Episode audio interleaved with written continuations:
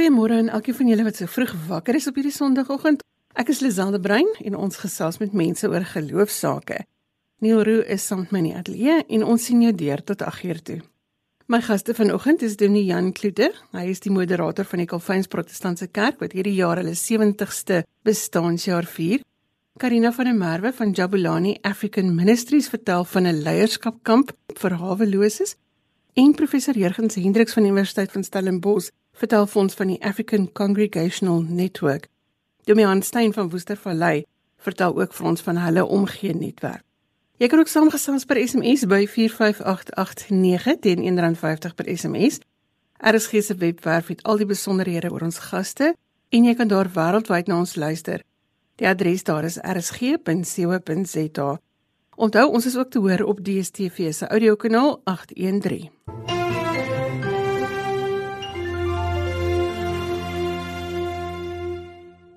Demi Jan Klute is die moderator van die Calvins Protestantse Kerk. Hulle vier hierdie jaar hulle 70ste bestaanjaar en ons hoor vanoggend van hulle geskiedenis en hulle werk in die gemeenskap. Goeiemôre Demi Klute. Goeiemôre Elisel, goeiemôre luisteraars. Hoe lyk die geskiedenis van die Calvin Protestantse Kerk? Die Calvin Protestantse Kerk is op Sondag 15 Oktober 1950 gestig. En hierdie dokter Edie Morkel 'n leidende rol gespeel toe die nasionale party in 1948 die bewind oorgeneem het, het die landskap drasties verander. En die antwoord van die NG Kerk op daai stadium was dat hulle kan nie oor apartheid uh hulle beswaardheid uitspreek nie, maar hulle kon egter oor skaafplekkies gesels.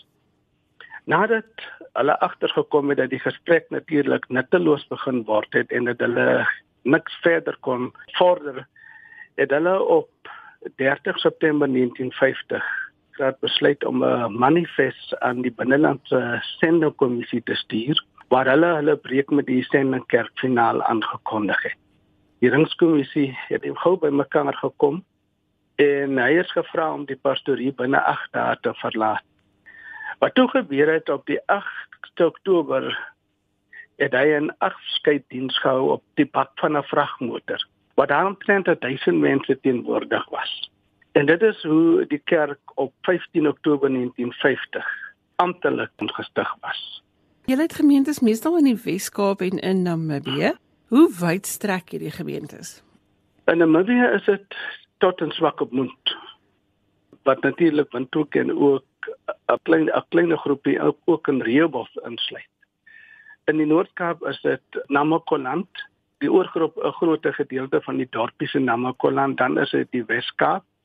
Ons het ook uh, 'n uh, groepie mense in in Mosselbaai wat eens 'n gemeente was, maar wat nou onder uh, een van ons ringe val en dan is ons ook in Port Elizabeth in die Oos-Kaap.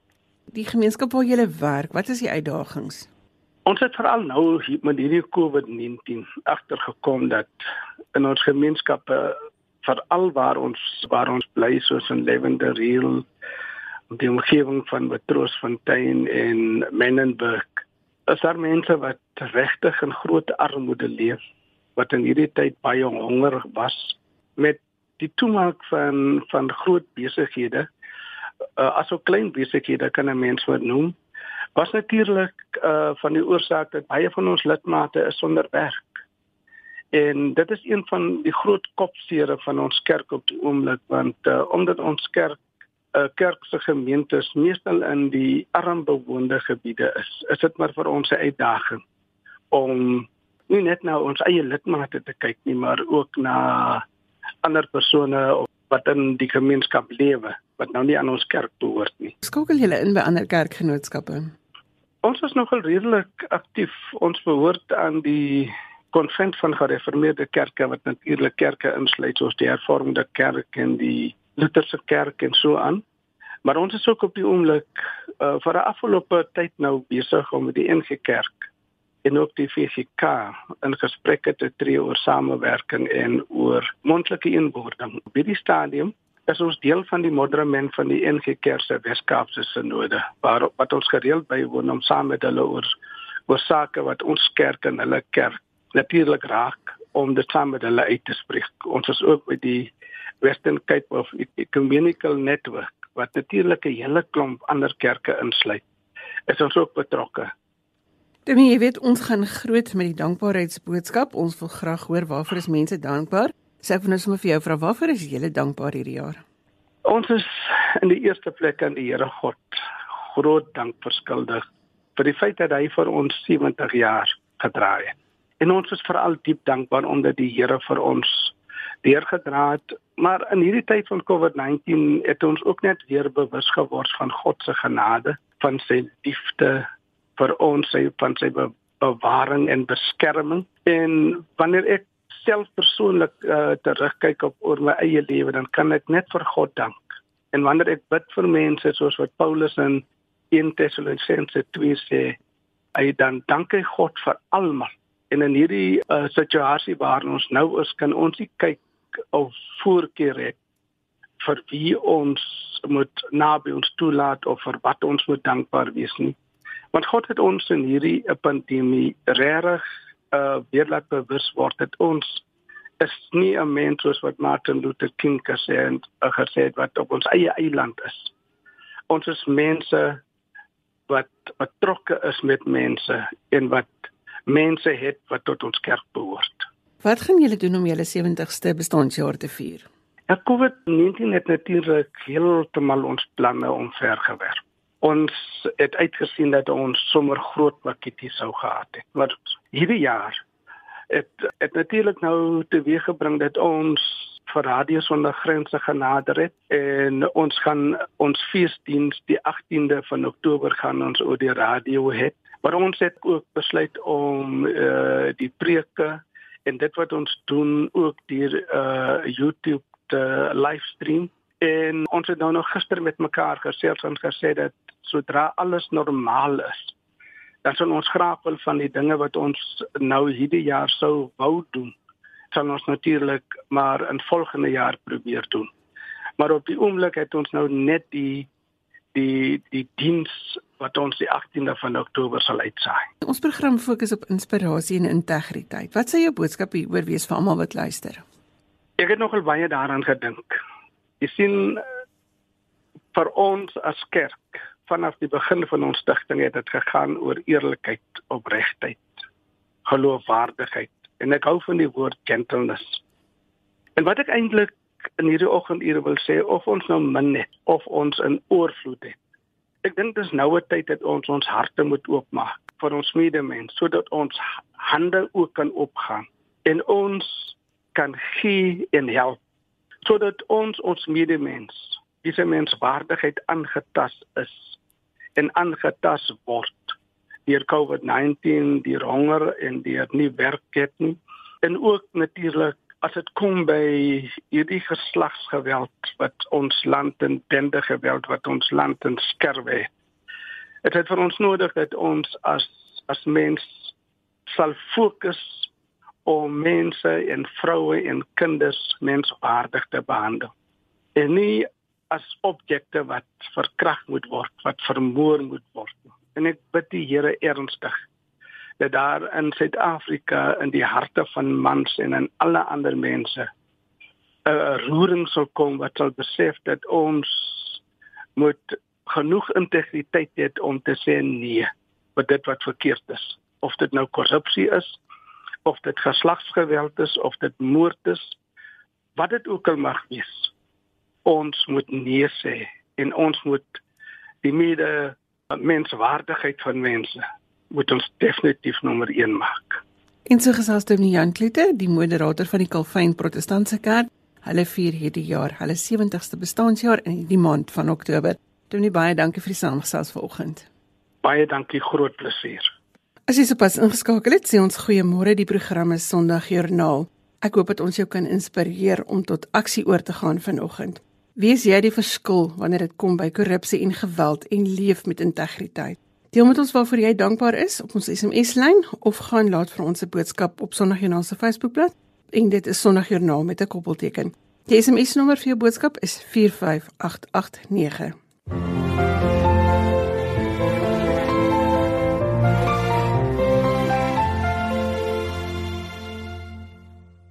Karina van der Merwe is van Jabulani African Ministries en saam met Mes het hulle 'n leierskapskursus vir haweloses aangebied.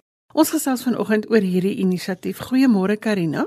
Goeiemôre Lisel. Wat is Jabulani African Ministries? So Jabulani African Ministries staan vir of die afkorting is JAM en Jabulani beteken Rejoice Africa en ons ondersteun en ontwikkel leiers in Afrika om 'n verskil te maak in hulle gemeenskappe waar hulle vandaan kom. En ons hart is regtig dat dit uit Afrika vir Afrika is. So ja, ons doen dit deur kampe en uitreike en seminare en dan het ons ook jam jaar studente wat dan basies saam met ons die jaar al hierdie aktiwiteite aanbied in die kampe en die uitreike aanbied. Hoe het julle toe nou by hierdie ongelooflike inisiatief gekom om hawelose mense 'n ja. leierskapkursus aan te bied? So dit het eintlik begin in die Grendeltydperk, um toe die weer so sleg is, het daar 'n paar kerke hulle sale oopgemaak vir die haweloses om daar te slaap terwyl die wind en die weer so rof was. En ons het toe gaan help. Um so baie van die mense kom daar aan en is nat van die reën, sodat ons het 'n oogie gehou deur die nag en klere vir hulle gepak sodat hulle darm droog uit kan gaan die volgende dag.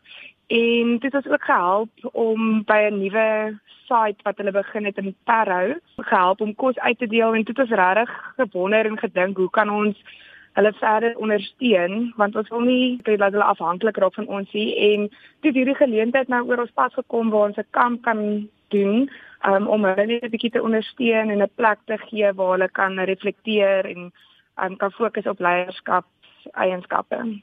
Hoe het dit gewerk? Wat het julle gedoen? Wat het julle hiermee bereik en het julle ja. nou in julle doel geslaag? Ons fokus baie op ervaringsleer. Ons bly op Apostelbattery, so 'n pragtige kampterrein.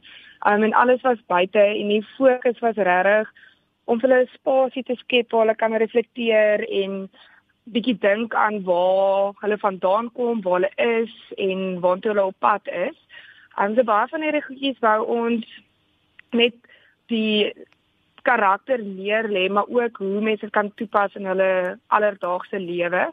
Ehm um, ons het ook baie gefokus op selfbeeld en selfwaarde en om hulle self te leer ken en mekaar te leer ken. Um en ja, ek dink dis maar moeilik om te sê as 'n mens suksesvol, maar een ding wat 'n mens kan seker vertrou is die terugvoer van die haweloses um toe ons klaarmaak toe um ja, dit is baie goeie terugvoer gekry en ons hoop om weer geleentheid te kry om met hulle te werk. Um hulle is regtig amazing mense met so baie potensiaal. So um, Karina, nou hoe het dit gewerk? Hoe het julle besluit wie kan kom? So ons het nie self die mense geïdentifiseer nie. 'n um, Mens werk natuurlik elke dag met met hulle. So hulle self het mense geïdentifiseer en toe vir ons verstuur. So watter tipe gesprekke het julle dan met hierdie mense?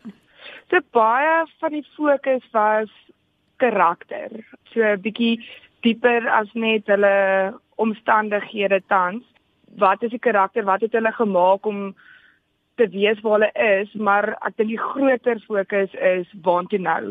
Ehm um, wat doen 'n mens in die omstandighede wat hulle nou is en hoe kan ons hulle al fasiliteer of empower om te doen wat hulle nou moet doen. Die baie van die gesprekke was maar oor karakter, vrese wat hulle het, probleme wat hulle het om ander te vertrou.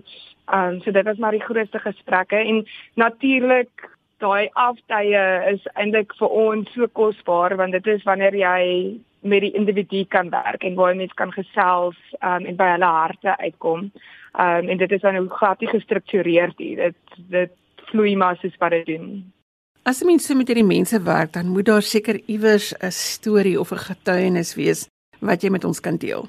Ja, natuurlik het elkeen sy eie storie en elkeen het sy unieke ervaring gehad op die kamp. Ehm uh, maar as ek een spesifieke een kan uitlig, um, ons het die disk gedoen as 'n persoonlikheidstoets net sodat hulle hulle self bietjie kan leer ken en ehm um, hulle leef ook baie in gemeenskap so om mekaar ook bietjie beter te verstaan.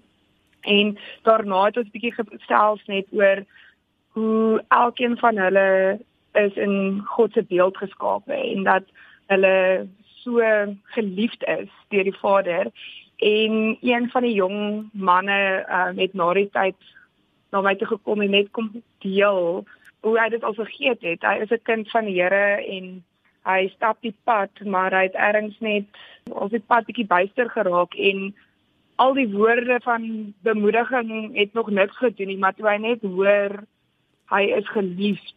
Ehm um, en dit is so 'n eenvoudige ding, maar vir hom het dit vasgesteek en ja, ek dink hy het ook net gepraat oor hoe dit hom bemoedig vir sy pad vorentoe. En dan so 'n ander dametjie ook ehm um, sy ja, sy het al al maand op pas afgestorf. So dit is hoekom sy al in die omstandighede is wat sy is.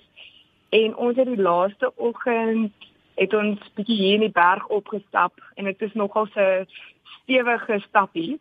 En op 'n kol toe sit sy net en sê sy sy net gaan eers haarself in mekaar kry en sy sy huil toe en sy het na die tyd eers met ons gedeel hoe dit eintlik vir haar net 'n refleksie was van haar eie pad tot waar sy nou is en hoe dit moeilik was en um, sy moes deurdruk en hoe sy net getuig het van hoe dit haar bemoedig het dat daar kom deurbraak. 'n Hand wat uitgestrek word net om jou deur ja. te trek. Ek het nou net 'n storie gelees van Good Morning Angels wat vir 'n jong man wat herwinning gedoen het elke oggend aan die asblikke uit gevra het wat sy doel in die lewe is en hy mm. het daarmee geld bymekaar gemaak vir sy studies want hy was besig om te studeer.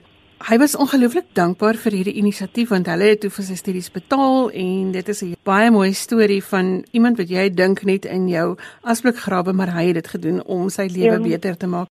Waarvoor is jy dankbaar in die lewe?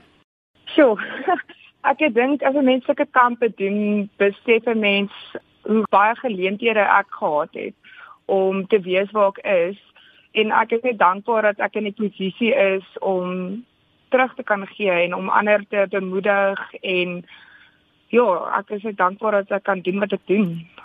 En watter rol speel geloof in dit wat jy doen? Ja, dit is natuurlik die fondasie. as dit nie vir geloof is nie, dink ek jy sou een van ons doen wat ons doen nie. Um ons hart en ons visie en ons hartklop is om die koninkryk te vergroot. Um en as mense dit kan doen deur kampe en hierdie kampe wat ons nou met mes gedoen het, dan ja, dan doen ons dit en om geleenthede vir mense te skep wat nie normaalweg ja. daardie geleentheid het nie. Ja, verseker. So gesels Karina van der Merwe van Jabulani Africa Ministries en hulle het 'n leierskapskursus aangebied vir haweloses en 'n bietjie inspraak gelewer in mense se lewe van hoe die pad vorentoe moet lyk. Karina, baie dankie dat jy julle storie met ons gedeel het. Baie dankie Lisel. Ons musiek kom vanoggend van die broers en ons gaan luister na Hou U My Hand. Bly ingeskakel, ons gesels net hierna met professor Jurgens Hendriks oor die werk van die African Congregational Netwerk.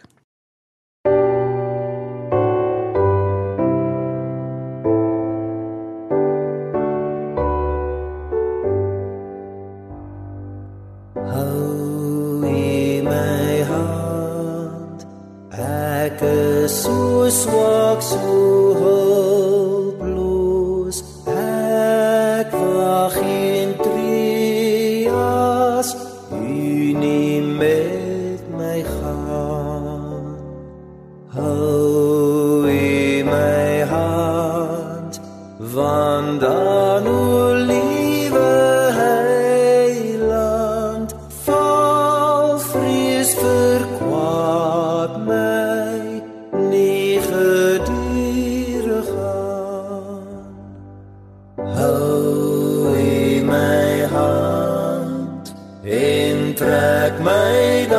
daagliks nader ja nader by u self my woord my al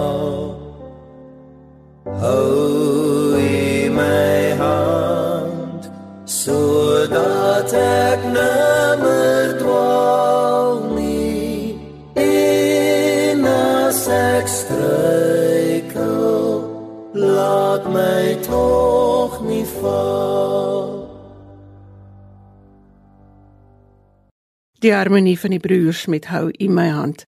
Goeiemôre hier vanuit Kaapstad. Jy luister na Sondagjoernaal en ons soek al die positiewe stories waar geloof en dankbaarheid 'n verskil maak. Jy kan gerus van jou laat hoor. My e-posadres is lazel@wwmedia.co.za of jy kan vir ons SMS by 45889. Ons wil graag hoor waarvoor jy dankbaar is. Professor Jurgens Hendriks is verbonde aan die Universiteit van Stellenbosch en ons gesels vanoggend oor NetAct en hy gaan vir ons verduidelik waarvoor dit staan. Goeiemôre Jurgens. Môre môre. Kom ons begin nou sommer daar. Waarvoor staan NetAct? NetAct staan vir Network for African Congregational Theology. En dit is 'n netwerk wat in 2000 begin het tussen die teologiese skole wat uit die sendingwerk van die NG Kerk in Afrika ontstaan het. Maar dit het oor die tyd so uitgebrei dat is nou meer as 50 skole van al moontlike en onmoontlike denominasies en uh, in 15 Afrika lande. Nou hoe is die Universiteit van Stellenbosch hierby betrokke? Kyk, die Kaapse Kerk het mos nou toe in die 1700s al begin met uh, sendingwerk. So Stellenbosch en die kweekskool hierso was altyd in die Sendema Afrika geheer die plek van waar uit die sendelinge gekom het. En toe die, na apartheid toe begin daai dosente vra of hulle kan terugkom vir verder leer in teologie. Dis nou net na 94.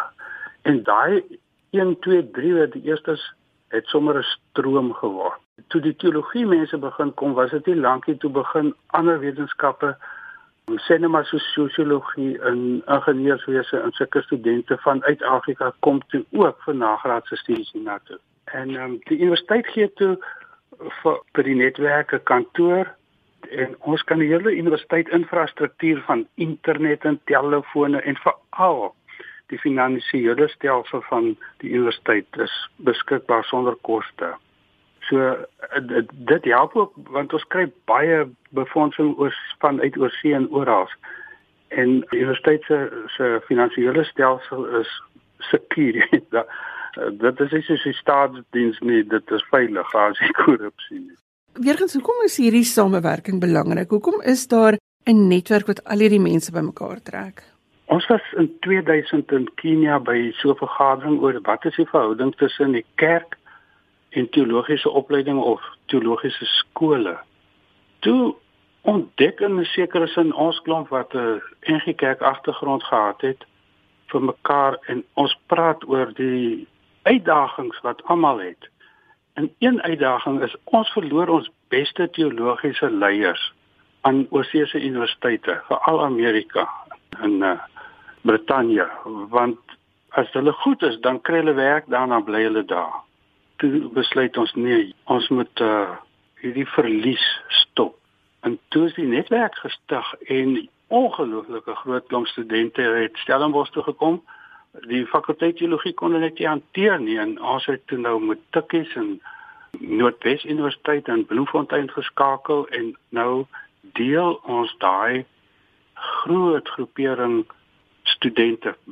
Baie ander interessante voorbeeld is nou uh godsdienst violence is in die aanvang van Boko Haram en al die ander variasies op die tema is 'n geweldige pynlike ding in Afrika en Die teologiese skole sit uh, met die geweldige probleem. Hoe lei jy nou jou studente op om hierdie probleem van die islam imperialisme te hanteer? En ons het 'n werkswinkel gehad um, in 2019 in Kenia. Al 50 skole was betrokke en 4 dae het ons oor religious freedom en die hele probleem rondom verskillende, jy weet, hoe hanteer jy die situasie? En ehm um, na dit is daar meestersgraad kursusse ontwerp wat by by al vir die Suid-Afrikaanse universiteite en oral in Afrika nou volgende jaar afskop. Byvoorbeeld die ander ding is nou die invloed van China. Oef, dit daai soort van goeders hanteer ons op die netwerk. Dit klink vir my asof die gelowiges in Afrika aansienlik ander uitdagings het of miskien dieselfde uitdagings maar op 'n ander skaal as gelowiges in Suid-Afrika. Ja, beslis. As jy in Nigerië is, dan sien jy nou korrupsie. En dit uh, Suid-Afrika lyk na 'n kleintjie, maar dit is oral en die probleem rondom leierskap is baie sleg. Jy kyk net ek se naam is mos net Network for African Congregational Theology. En dit het begin in die 2000 toe die HIV vigs uh, Afrika lam gelê het. Wie jy nie een teologiese skool het 'n uh, het enige programme of opleiding, hulle het dit nie hanteer nie. En toe die netwerk kom met ons nou daai onmiddellik aangespreek. Ons het by elke skool dosente opgelei en al die skole het programme wat HIV aanspreek begin en die volgende stap was gender. Vrouens, hulle 70% van die lidmate van die kerk in Afrika en hulle word uitgebuit en nie kom nie tot al reg nie hierdie lelike patriargalisme. Die netwerk het ook al 'n paar Afrika teologie boeke die lig laat sien. Hoe het dit gehelp om hierdie probleme te ondersteun? Die boeke help geweldig baie want by die jaarvergaderings bespreek ons nou die boeke en dan word konsepte geskryf en die ouens gee klas daaroor en dan skryf ons die boek oor of ons maak aanpassings en so. Die eerste formele een was in 2004 gepubliseer, Studying Congregations in Africa.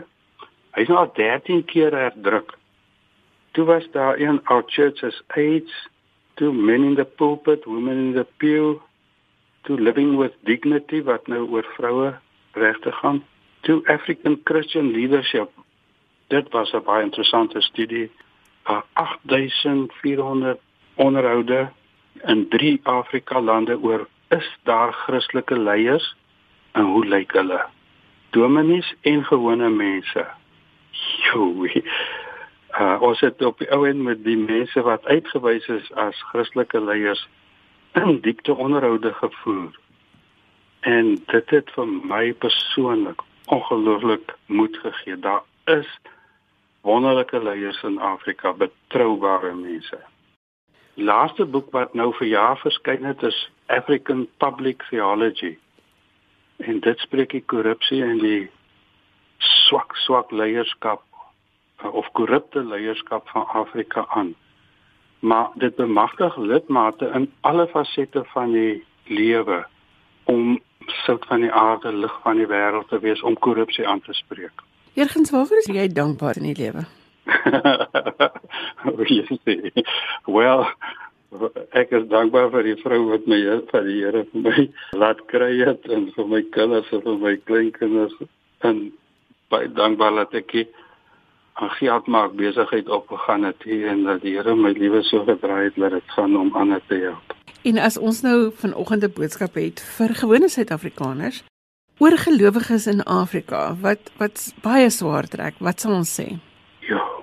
Ons is bevoorreg nog in Suid-Afrika. Maar ons moet die onreg in om ons aanspreek. En elke lidmaat moet iets doen. Die Heilige Gees lei vir 'n mens, maar sout van die aarde en lig van die wêreld. Ons moet dit prakties wees. En so gesels professor Jurgens Hendriks van die Universiteit van Stellenbosch oor een van die mees merkwaardigste instellings ten opsigte van Afrika, Ekumene. Dankie vir die samegesels Jurgens. Dankie. Ons moet die sout en die lig wees verander. Jy luister na Sondagjoernaal saam met my Liselde Bruin en ek het sopas met professor Jurgens Hendriks van die Universiteit van Stellenbosch gesels oor die netwerk vir African Congregational Theology.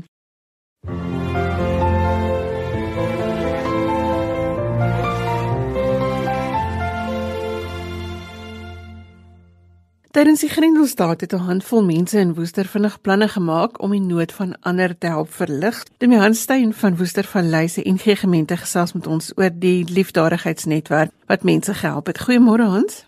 Goeiemôre Lisel.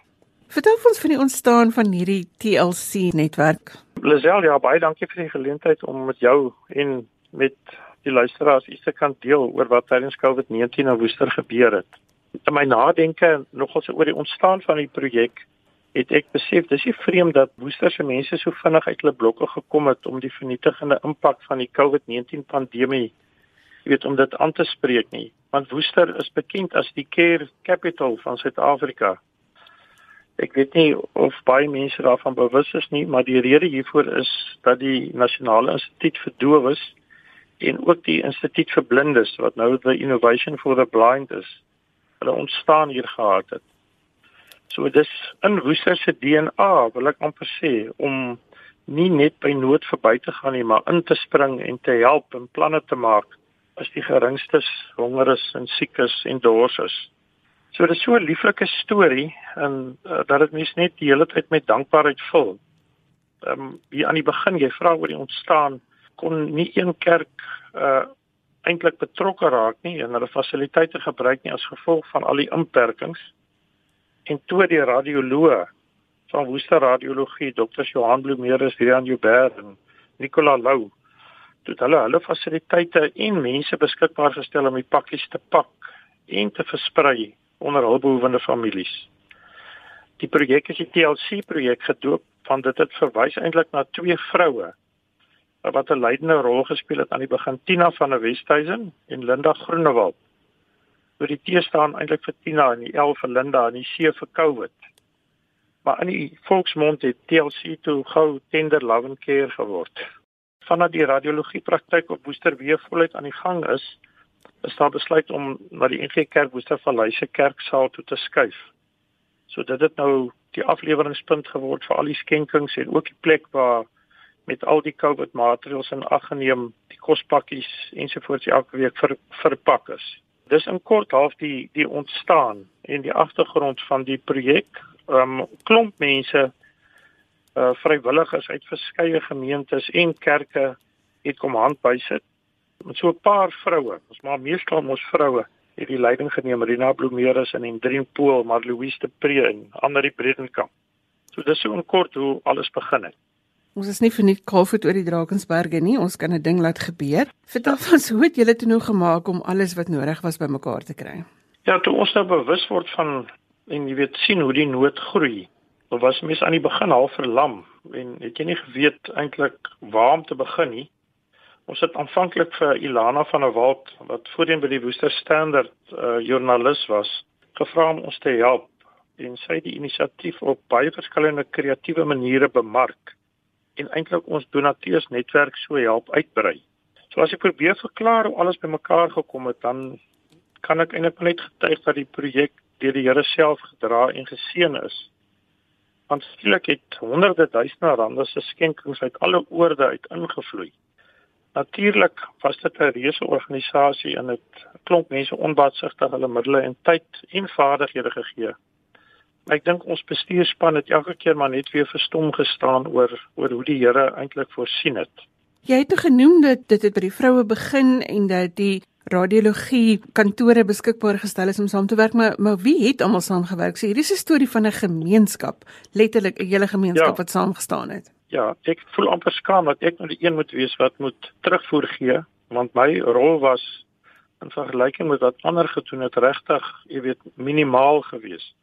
Daar't soveel mense saamgewerk. Um ek het net nog genoem van al die kerke hier op Woester wat op 'n manier hande gevat het Ek wil hier veral dankie sê vir Oudenburg gemeente en interessant genoeg ook vir die Dowe Familiekerk wat gehelp het. Ons het ook 'n klomp donateurs gehad wat na vore gekom het. Ja, wie dit is so baie mense. Ek is so bang ek laat enige iemand uit, maar letterlik van oral het mense na vore gekom en betrokke geraak en skenkings gemaak in die vorm van of kontant of produkte. 'n interessante skenking wat ek nou skielik aan dink is die Reformed Church in in in Japan.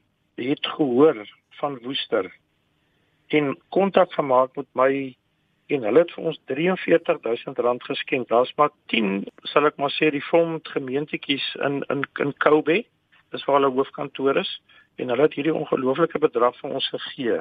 Dan die regering se solidariteitsfonds het ook van ons gehoor. Hulle het koskopons vir 120000 rand geskenk die sinode van die Wes-Kaap het ons R45000 geskenk vir ons Smart Start uh so educare groep om vir hulle en hulle gesinne kos te gee. Afri SA en 500 kospakkies geskenk. Jongens, so kan ek aangaan. Dis net eintlik eintlik ongelooflik hoe hoe die projek gegroei het en hoe mense tafel toe gekom het. 'n Goeie voorbeeld van hoe 'n gemeenskap saamgestaan het en hoe 'n geloofsgemeenskap binne daardie gemeenskap die ding gefasiliteer het. Gaan dit nou 'n langtermynprojek word? Miskien moet ek voordat ek dit antwoord vir jou sê dat weet die nood so gegroei het dat ons op 'n stadium 'n keuse moes maak om om minder kospakkies te begin lewer en meer sopkombuise te begin. Byvoorbeeld die laaste 4 maande het ons elke 2 weke vir 208 gesinne 'n kospakkie gegee wat uh, vir 7 mense, jy weet, kos kon voorsien. Daai pakkie is saamgestel deur die eetkundiges hier in ons omgewing. So as jy nou vinnig die som maak, is dit 416 gesinne maal 7. Dit is amper 3000 mense wat ons elke maand met die kospakkies gehelp het. Maar maar mettertyd, jy weet, het ons fondse begin opraak en moes ons kyk hoe kan ons dit meer effektief aanwend. So het ons meer gefokus op ons sopkombuise. Hulle het gegroei van 3 af na 11 toe tot 14. En daai 14 sopkombuise het in die grendeltyd tot nou toe want van hulle hardloop nog steeds 38000 etes het hulle kon voorsien. Een van die mooi dinge wat ek vir jou wil noem is in in daai in plaas van Mandela Dag het ons besluit om dit 'n Mandela Week te maak. En toe het ons daai week met ons in plaas van sop en brood, jy weet, ordentlike etes het ons voorgesit elke dag. 10000 sulke etes benewens al die ander goed. Wat vir my baie mooi was en ek wens ek kan nou 'n foto vir die luisteraars daarvan gee is dat in van die ergste die armste dele in Woester ook wat baie bende getuister is in Eyen Park het hulle die mooiste tafels in die strate uitgepak met doeke op mooi tafeldoeke en met blomme op en sodat mense letterlik kon aansit en kon eet en kon saam kuier. So ja, dit is nou een van daai uh jy weet wat mense net telkens verstom. Maar jy vra of dit 'n langtermynprojek gaan word. Ek dink die een ding wat COVID-19 ons kom wys het, is die geweldige kwesbaarheid van ons arm gemeenskappe. Ek dink jy ons kan langer, ons mag nie langer ons oë en ons harte sluit vir die nood en swaar kry van die stille meerderheid mense wat onder die broodlyn leef nie. Maar die ander ding wat COVID ons leer is dat die Here ons nooi om deel te wees van wat hy nou wil doen in Woester en in elke dorp in ons land. Ons kan handvat. Ons kan oor grense heen by mekaar uitkom. Ons kan meer doen as wat ons op die oomblik doen. Daar's soveel goodwill en kindness onder al ons mense. En ja, ek het geleer ons het genoeg bronne dat niemand in ons land sonder kos hoef te gaan slaap nie.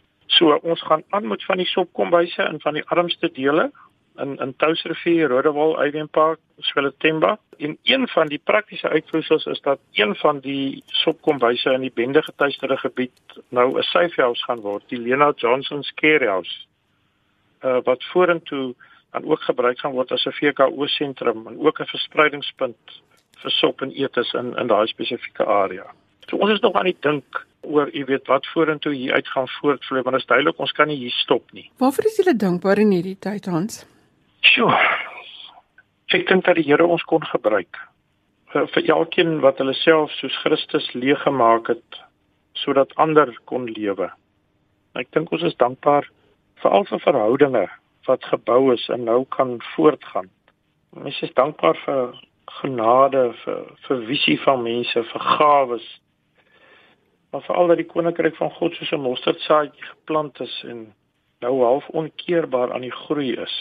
As ek iets met jou kan kan deel, miskien nog met ons luisteraars kan deel, 'n teks wat vir ons in hierdie tyd uh, gedra het en wat ons gereeld gelees het uh, in in Handelinge 20 vers 34 dan praat hy met die ouderlinge daar in in Melete en haal hy eintlik vir Jesus aan. Ek gaan nou in die message vertaling uitlees. Hy sê vir hulle en dit is wat ons ook geïnspireer het. In everything I've done, I've demonstrated to you how necessary it is to work on behalf of the weak. You will not likely go wrong there if you keep remembering that our Jesus, our Master said, you are far happier giving than getting. En so gesels Demian Stein, hy is van die Woestervallei gemeente en hy het met ons gedeel waar hulle TLC projek vandaan kon. Hans, baie sterkte met die werk wat julle doen en vir almal wat in daardie gemeenskap opgelig word.